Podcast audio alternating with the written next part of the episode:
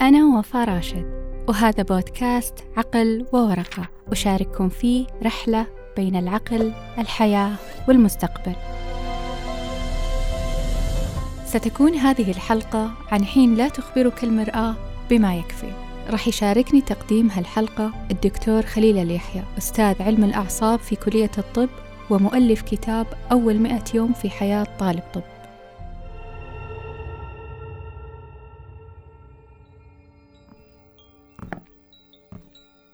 تمشي بخطوات مترقبة. وإذ أنت ببيت تعرفه جيدا تعرف زواياه. هنا احتفلت بميلادك. وهنا بكيت بخلوة دون أن يراك أحد. وهنا مكان قهوتك. وهنا علت ضحكاتك وإذ بك تلاحظ شيئا. لماذا ترتيب الغرف مختلف؟ هنا كانت غرفة. أين ذهبت؟ ما هذه الغرفة؟ لم أرها مسبقا. تنظر حولك؟ ما هذا الترتيب الغريب؟ إني أكيدة بأنه البيت ذاته. لماذا يبدو مختلفا؟ ما هذا؟ أين أنا؟ تفتح عينيك؟ أنت في سريرك. لقد كان حلوا. مثل هالحلم وبالمناسبة هو حلم شائع في علم النفس وفي بعض السيناريوهات يتخلله ما أو تغرق إحدى الغرف. تشعر بأن جسدك بيت تألفه. مساحة حوت الكثير لدرجة أنك لا تستطيع تتبع الاختلاف ولا تدرك أين النسخة الأصلية من كل هذا هل أنت الشخص المفعم بالحياة في طفولتك؟ أم الشخص الذي تمرد على الحياة في مرحلة ما؟ أم الشخص الحالي الذي لا يدري أي اتجاه يسلك وربما فقد شهيته للحياة؟ أم أنك كل هذا أنت ببساطة تائه داخل جسدك ضائع لا تستطيع تحديد ما تريد أو ربما ضائع لدرجة لا تريد أن يعثر عليك ولا تريد أن تعثر على شيء. متوقف في المنتصف في العدم. هل هذا الوصف يشبه شيء تعرفه أو ربما عشته؟ هل شعرت يوما أنك ضائع؟ لا تعرف من أنت؟ ماذا تريد؟ ولا إلى أين تذهب. فاقد للوجهة أو ربما تجهل نفسك لدرجة يصعب عليك تحديد أي وجهة تحب وتريد. تشعر بأن هناك أمنية دفينة داخلك ترغبها تريد تحقيقها ولكن لا تدري ما هي. تشعر بأن هناك صورة لك تود رسمها ولكنك تجهل ملامحها. ما الذي عليك فعله؟ كيف تحدد كل ذلك؟ من اين عليك ان تبدا لا تدري What do you want, Janice? What? I don't know. I don't know. Do I have to know?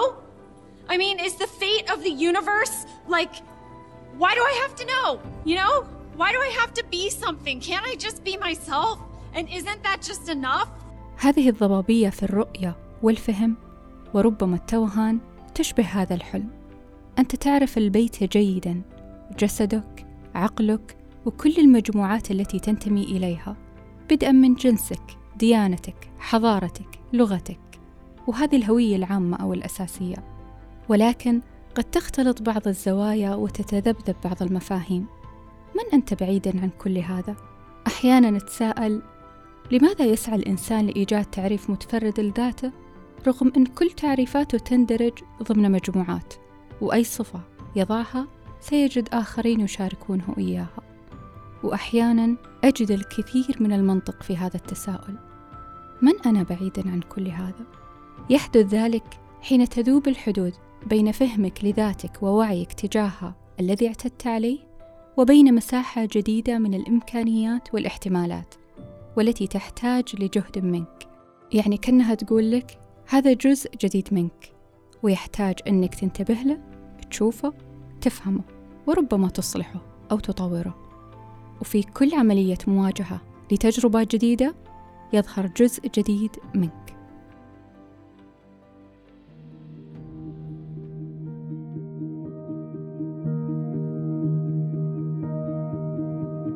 نولد صفحة بيضة. ما نعرف حتى أنفسنا. وناخذ صورتنا من نظرة أبوينا لنا. ثم مع تجاربنا الواحدة تلو الأخرى نبدأ نكتشفنا. تولد وكل شيء مجهز لاستقبالك مسبقا. اسمك لغتك حضارتك وكل المجموعات التي انتميت أو ستنتمي إليها. وخطة مجهزة لمسيرة حياتك. تكون الحياة بلا تعقيد جميلة وردية. فوالدتك تمتلك لمسة سحرية تطيب كل ما تمر عليه. ووالدك بطل خارق يصلح كل شيء ويأتي لإنقاذك أينما كنت. يستمر ذلك حتى اللحظة اللي تسأل فيها والديك سؤال ثم تكتشف إنهم ما عاد يعرفون أكثر من اللي تعرفه أنت. وأنهم ليسوا خارقين وإنما بشر مثلك. والحياة ليست وردية وإنما بالغة التعقيد. هنا تدرك بأنك ستواجهها من غير صندوق معلومات سحري يعرف كل شيء ولا أبطال خارقين. هذه اللحظة تكون مفصلية. وهنا تبدأ تتساءل حول كل شيء من أنت وماذا تريد؟ تساؤل يتبعه ضياع.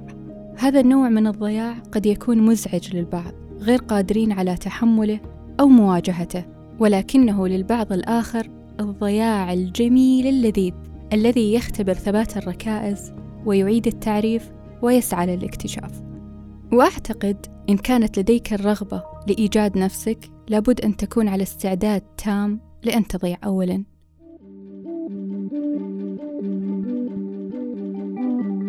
البشرية لها تجارب عديدة وتاريخ طويل في طرق معرفة النفس وقراءتها واكتشاف ماذا نحب. منها مثلا اختبارات تحليل الشخصيات ومعرفتها واللي في البداية كانت موجهة لمجموعة معينة مثل اختبار تحليل الشخصية اللي تم إطلاقه في نوفمبر عام 1917 سنة دخول أمريكا في الحرب العالمية الأولى. وكان الاختبار من أجل دراسة تداعيات الحرب وأثرها على الجنود ولكن بعدها توسع الموضوع جدا صرنا ما نعرفنا صار الشخص ممكن يسوي الاختبار عشان يقدر يعرف نفسه أو يسوي الاختبار عشان يقدر يعرف وش يحب فما كل هذا التوهان في قراءة أنفسنا ما سببه؟ أهو سوء قراءة لما تحمله جيناتنا؟ أو تذبذب الانتماء للبيئة؟ أم بسبب كل الصخب وزخم الاحتمالات والخيارات في حياة تضج بكل شيء.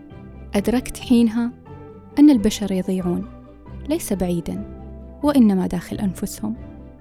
ولكن السؤال هل إحنا بهالمرحلة نحاول نكتشف شيء موجود أو معروف أصلاً؟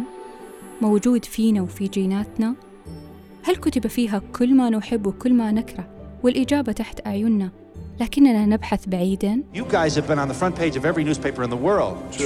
مثلا مثل قصة التوائم الثلاث اللي وضع مركز التبني كل منهم في عائلة مختلفة ضمن بيئة مختلفة.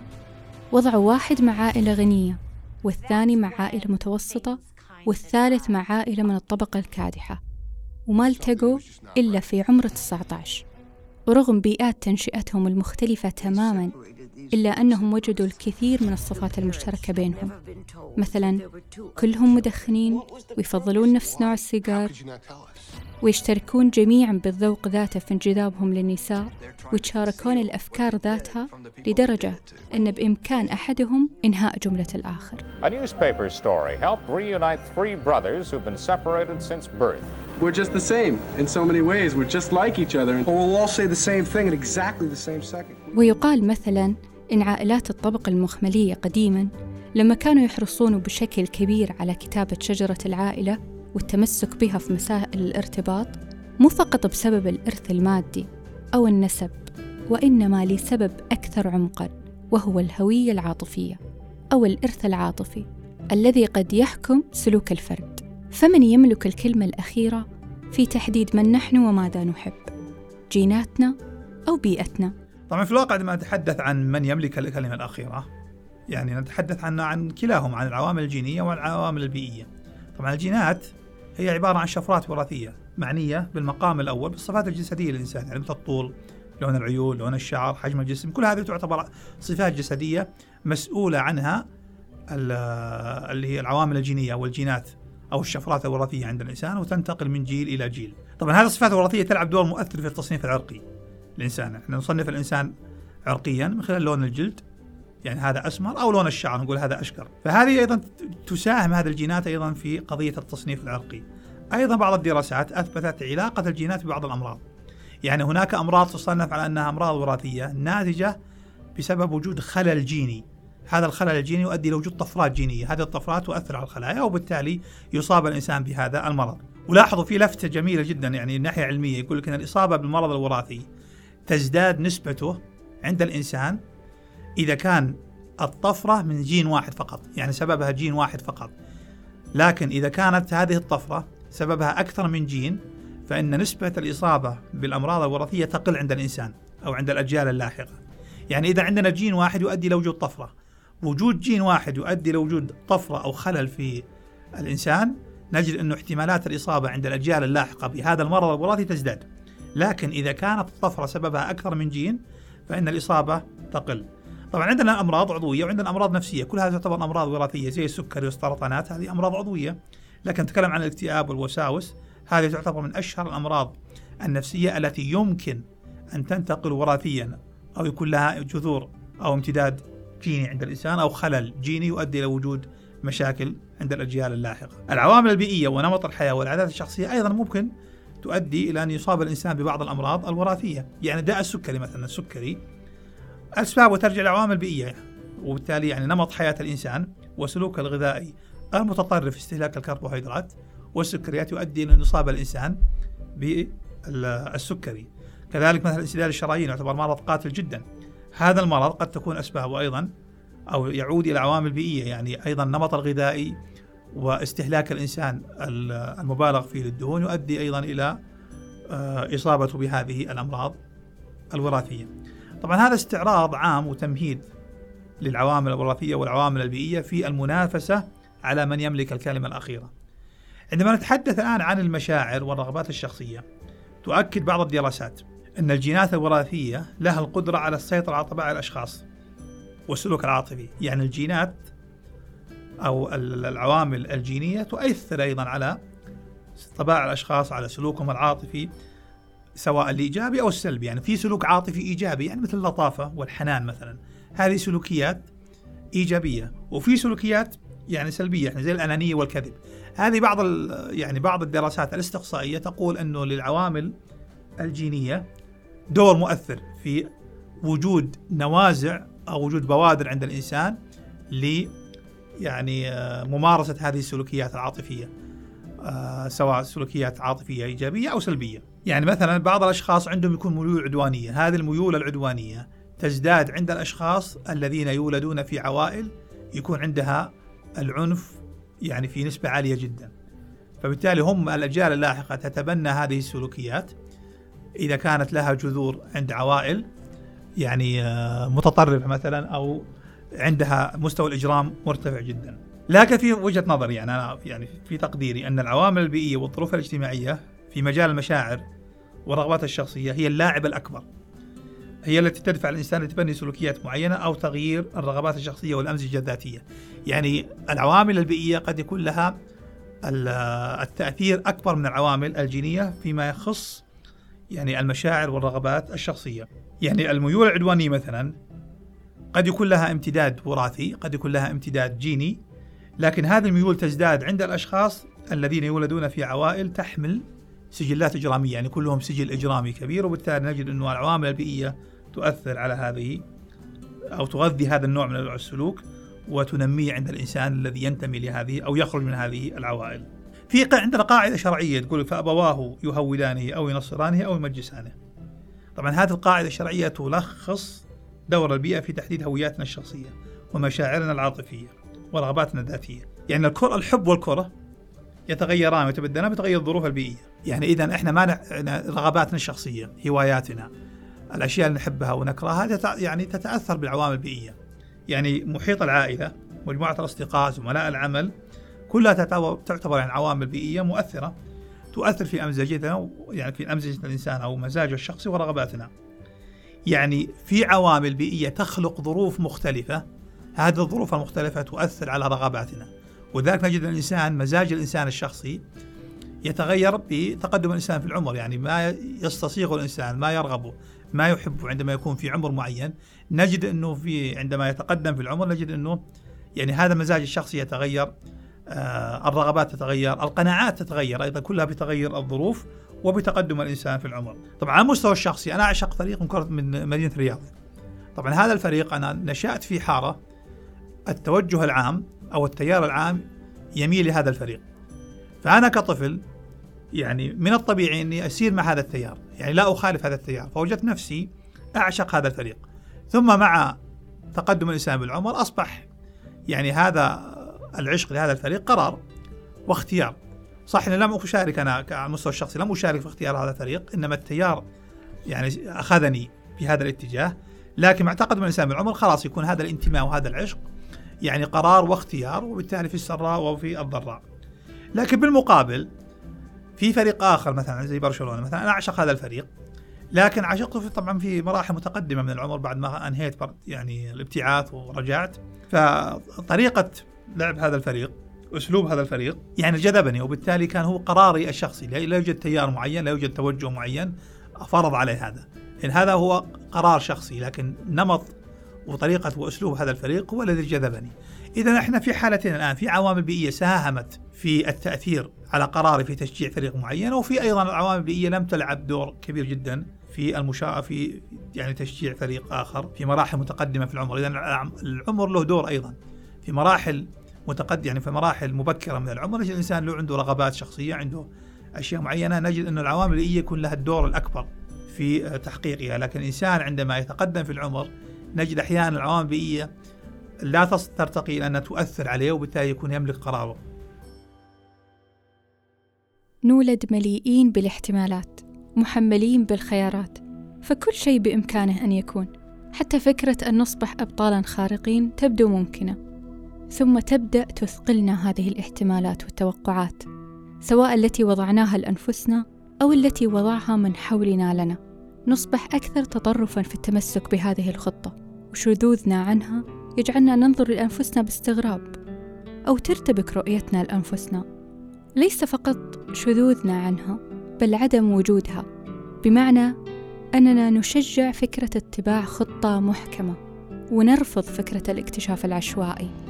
أو التأخر في معرفة ملامح الخطة المناسبة. وتتساءل هل أنا الخطة التي وضعتها؟ أم أنا كل هذه الفوضى المحيطة وربما الضياع؟ والإجابة بأنك لست هذا ولا ذاك. أنت شخص يواجه الحياة فحسب. شعور أنك لا تعرف من أنت وماذا تريد قد يحدث لك أي وقت. ولا أقصد هنا فقط شعور اكتشاف الذات الذي يأتي في مرحلة العشرينات من عمرك حسب تقسيم مراحل العمر الأربعة. وإنما الشعور الذي يباغتك دون تخطيط منك ويثقل بوطأته عليك. هذا الشعور يكون على هيئتين على هيئة مواسم وعلى هيئة ذات مطمورة أما المواسم فهي غالبا تحدث برفقة خطتك التي وضعتها لحياتك بجميع جوانبها. حين تفقد شعورك بالانتماء تجاهها وكأن لا شيء فيها يشبهك أو حين تتخلل خطتك العقبات والتجارب الصعبة والصدمات التي تفقدك توازنك. فتختلط كل المفاهيم برأسك. أنت لست أنت والعالم ليس العالم. فمن أنت؟ وما العالم؟ هل كل ما كنت أعرفه عن نفسي صحيح؟ وهل كل ما كنت أعرفه عن العالم صحيح؟ تحاول أن تعيد توازنك؟ وتلملم شتاتك لأن الصدمة جعلتك تتناثر كشظايا يصعب جمعها وجمع الشظايا قد يجرحك. تحاول أن تهدأ وتجمع قطعة بجانب قطعة لتتمكن من رؤية صورتك من جديد أو ربما التعرف عليها. وأما الذات المضمورة بمعنى كل شخص لديه العديد من الشخصيات أو الأجزاء الفرعية مثلا جزء عصبي وجزء قلق وجزء عاطفي والذات هي قائد الأوركسترا الذي يظهر أحدها على الآخر كما وصفها المعالج الأسري ريتشارد شوارتز. لذلك فوفقا لتعريف الـ IFS فالذات لا تضيع ابدا وإنما يتم تجاوزها من قبل الشخصيات الفرعية. يعني مثلا يتصدر الموقف عصبيتك المفرطة أو كونك مدير حازم أو ترتدي قناع الحماس وانت رايح دوامك أو تقابل أصحابك. وكل هذه الأجزاء المتطرفة الظهور هي لحماية أجزائنا الأكثر ضعفا أو المصابة والتي تصبح منفية في أجسامنا وهي مختبئة عن وعينا ولكن يمكننا إدراكها والشعور بها حين يؤدي شيء ما إلى رد فعل عاطفي قوي منا لنتساءل شو اللي صار؟ ليش سوينا كذا؟ ثم تسعى كل أجزائنا لحماية ذلك الجزء المنفي خوفا علينا بأننا لا نستطيع مواجهة هذا الكم من المشاعر أو ربما الألم وتبدأ تشتت انتباهنا لأشياء أخرى وأعذار أخرى. ويحدث كثيرا أنه في بعض الأشخاص أو بعض الناس لا يعرف بالضبط ما الذي يريده. هو فاقد لهوية معينة لا يعرف بالضبط ما هي اهتماماته ما الذي يريده في هذه الحياة ما هي أهدافه. فيظل يعني في حيرة وفي كلية الطب مثلا عندما أتعامل مع طلاب الطب يأتيني أحيانا بعض الطلاب عندي في المكتب يتكلم ويطرح مشكلته. وهي مشكلة أكاديمية لكن هي امتداد لمشاكل أخرى. يقول لك مثلا بعض أحد الطلاب مثلا قال لي مرة أنه هو اجتاز السنة الثانية في كلية الطب بنجاح. إذا هو قادر أن يسير في كلية الطب بنجاح لكن هو لا يشعر بانتماء لهذا التخصص لا يشعر بانتماء لهذه الكلية. آه، لا يجد نفسه في هذا في هذا المكان أو في هذه الوظيفة كطبيب يعني. آه، هو لا يبحث هو هو ليس أيضا لديه تخصص آخر أو ليس لديه اهتمامات أخرى. هو وجد نفسه في هذه الكلية ربما عدله التراكمي. آه، اجبره على أنه يذهب أو يختار أحد التخصصات النخبوية أو تخصص نخبوي. أحيانا ضغوط الأهل آه، والأصدقاء والبيئة المحيطة فيه تجبر الطالب أحيانا على اختيار تخصص معين بناء على المعدل التراكمي. لكن الطالب نفسه لا يجد نفسه في هذا التخصص أو في هذا المكان ولا يدري بالضبط ما الذي يريده آه، فهذه إشكالية كثيرة تحدث عند بعض الناس فيحتاج إلى أنه آه، يعني الإنسان نفسه سواء طالب أو أو أو خلاف ذلك يحتاج إلى أنه يعني يدرس نفسه جيدا يعرف جيدا ما الذي يريده آه، يحاول أن أن يحدد اهتماماته جيدا حتى يستطيع أن يتخذ المسار المناسب له. آه، بالمقابل هناك أحيانا ظروف بيئية أو عوامل بيئية تجبر الإنسان على اتخاذ مسار معين أو وضع الإنسان في قالب معين هو لا يريده، هو يعرف بالضبط ما الذي يريده، لكن الظروف البيئية المحيطة تجبر الإنسان على أن تضعه في قالب آخر. آه، وبالتالي هذا الإنسان يتكيف مع القالب الجديد لأنه فيه امتيازات معينة أو في أشياء معينة تجعله يرضخ لهذا الواقع. أنا أذكر آه، أيام الحارة كان عندنا يعني واحد من عيال الحارة. طبعا رجل يعني شكله الخارجي أو مظهره يعني هو شديد يعني مفرط السمنة يعني سمين. فعيال الحارة طبعا في ذلك الوقت وضعوا هذا الإنسان في قالب يعني يتنمرون عليه في سخرية فيها استخفاف في هذا الشخص. فهو وجد نفسه في هذا القالب. شكله الخارجي أوحى للآخرين أن يضعونه في هذا القالب فهو تكيف مع هذا القالب تصالح مع نفسه. وانسجم مع هذا القالب. هو لا يريد هذا القالب ويعرف جيدا أنه أنه أفضل من أن يوضع في هذا القالب لكنه وجد امتيازات يعني معينة وإن كانت امتيازات سلبية اللي هو عبارة عن شهرة وشعبية وخلافه فإنصاع أو إنقاد وتكيف مع هذا القالب. لكن عندما خرج من هذه الظروف البيئية وغير الحارة وانتقل إلى مكان آخر تغير رجل 180 درجة. أكمل تعليم وحصل على الماجستير. رافق شخصيات آه، علمية مرموقة جدا. الرجل صار يحظى باحترام كبير جدا. آه، يعني وهذا من يعني من المفارقة أنه الذين كانوا يسخرون ويتنمرون عليه في الحارة وقتها لم يحققوا نجاحات كبيرة في حياتهم. على العكس من هذا الإنسان لما غير الظروف البيئية آه، حقق نجاحات كبيرة جدا ومتقدمة. إذا أحيانا الإنسان يعرف بالضبط ما الذي يريده لكن الظروف البيئية المحيطة بهذا الإنسان تكبله. ويجد نفسه أحيانا في مسار أو في قالب أو في إطار هو كاره له لكن مجبر على التصالح والتكيف مع هذا القالب. مرة أخرى أحيانا قد يكون مجبر وربما يجد أحيانا مرة أخرى بعض الامتيازات آه نعتبرها امتيازات سلبية لكن آه مرة أخرى من باب التصالح والتكيف.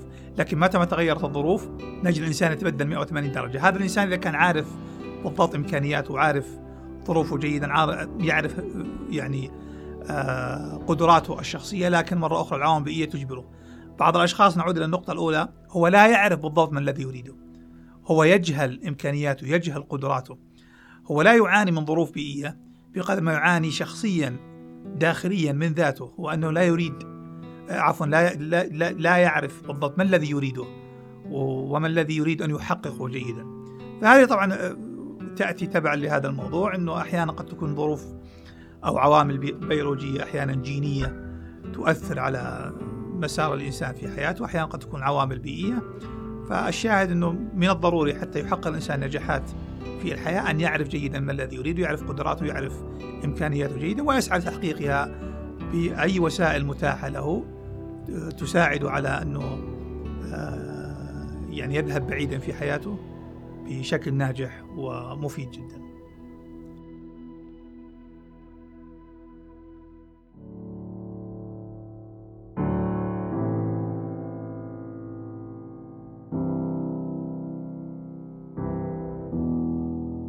جلست أفكر كثير هل لازم الإنسان يعرف نفسه؟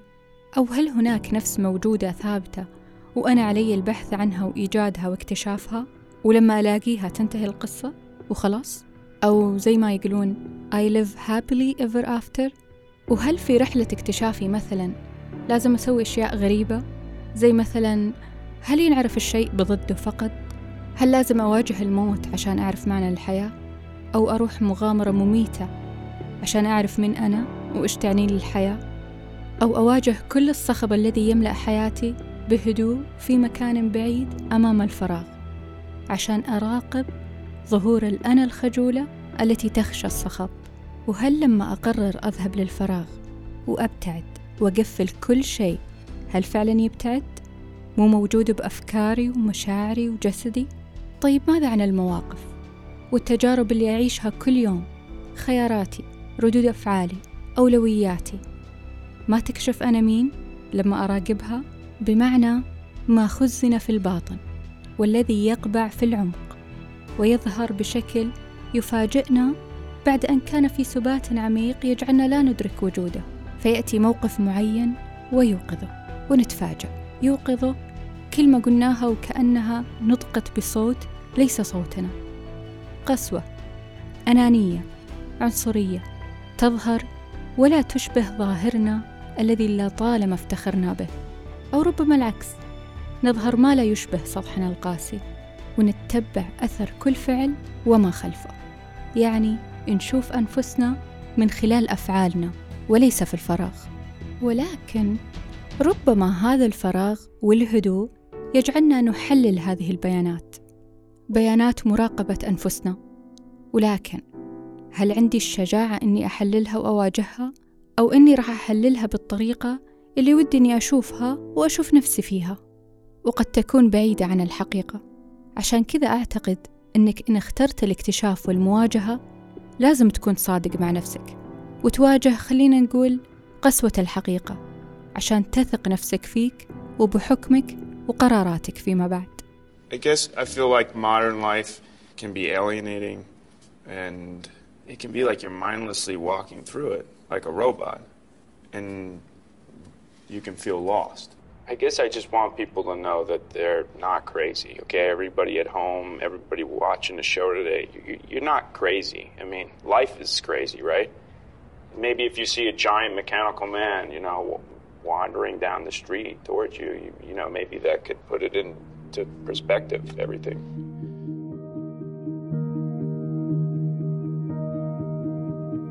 الذات عبارة عن نمط موجود يتوسع ويتغير ويختلف.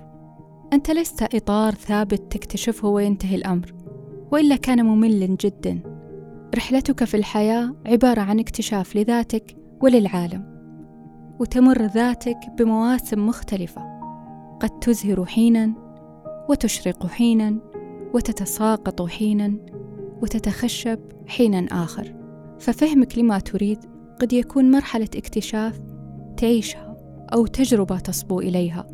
وقد يكون إحساس بالضياع يغطي بظلاله على كل شيء فتشعر بعتمة يصعب الخروج منها بسبب مفاهيم اختلطت أو كأثر جانبي لتجربة مررت بها. ولكن ما في خلطة سرية لمعرفة من أنت وماذا تريد أو طريق موحد تسلك به الحياة وإنما مغامرة تخوضها ترتجل حينا وتستعين بخارطة أحيانا أخرى ولا شيء مؤكد. مثل ما يقول بيكاسو لمعرفة ما سترسمه عليك أن تبدأ بالرسم. لأن ما تريد أن تعرفه ليس على الضفة الأخرى وستعبر الطريق بخط مستقيم وتصل.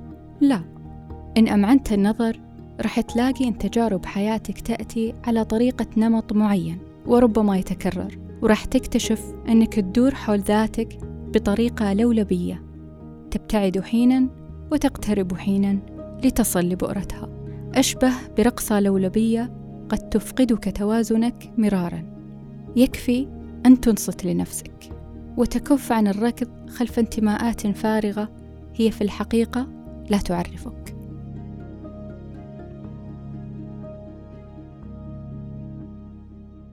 وفي الختام لم نولد برفقة الأجوبة بل ولدنا باحثين عنها وحياتنا ليست مشروطة بإيجادها.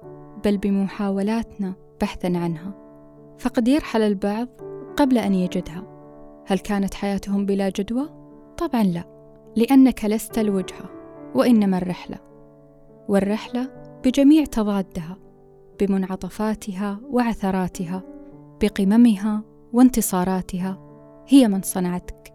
ستجد المعنى في الطريق وستبدأ بقراءة ذاتك خلال الطريق لا في محطة الوصول. قد لا يكون هناك إجابة لكل سؤال وقد لا يكون هناك مغزى خلف كل قصة. ولكننا خليط من كل هذا المجاب وغير المجاب المنتهي والذي ما زال ينتظر النهاية.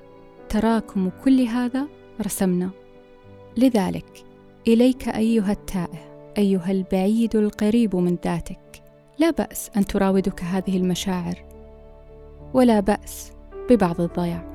يقول إيليا أبو ماضي جئت لا أعلم من أين ولكني أتيت. ولقد أبصرت للدنيا طريقا فمشيت وسأبقى سائرا إن شئت هذا أم أبيت. كيف جئت؟ كيف أبصرت طريقي؟ لست أدري. لي ذات غير أني لست أدري ما هي. يمكنكم الاطلاع على لقائنا مع دكتور خليل عبر الرابط في وصف الحلقة. صدر الدكتور خليل اليحيى كتاب بعنوان أول مئة يوم في حياة طالب طب وفي حياة كل طالب جامعي. وهنا نبذة مختصرة عن الكتاب. طبعا الكتاب يستعرض مجموعة من الإرشادات التي تنصح الطلاب بالعمل عليها. يعني هذا الكتاب يقدم مجموعة من الإرشادات التي تجعل أو, أو, أو تنصح الطالب التفكير فيها والعمل عليها يعني مثل بناء الهوية الشخصية تغيير الذهنية التخطيط الاستراتيجي ترتيب الأولويات بناء شبكة من الأصدقاء تنمية ثقافة القراءة كل هذه تعتبر إرشادات فقط تلفت نظر الطالب أو تلفت نظر الطالب على أنه عليه أن يبدأ بالتفكير في هذه النقاط وهذه الإرشادات وبالتالي محاولة تعزيزها وتملكها. ومرة أخرى المئة يوم لا يعني أنه كل هذه الإرشادات يجب أن تنتهي خلال المئة يوم إنما على الطالب أن يفكر فيها في المئة يوم الأولى وعليه أن يبدأ في تنفيذها والعمل عليها.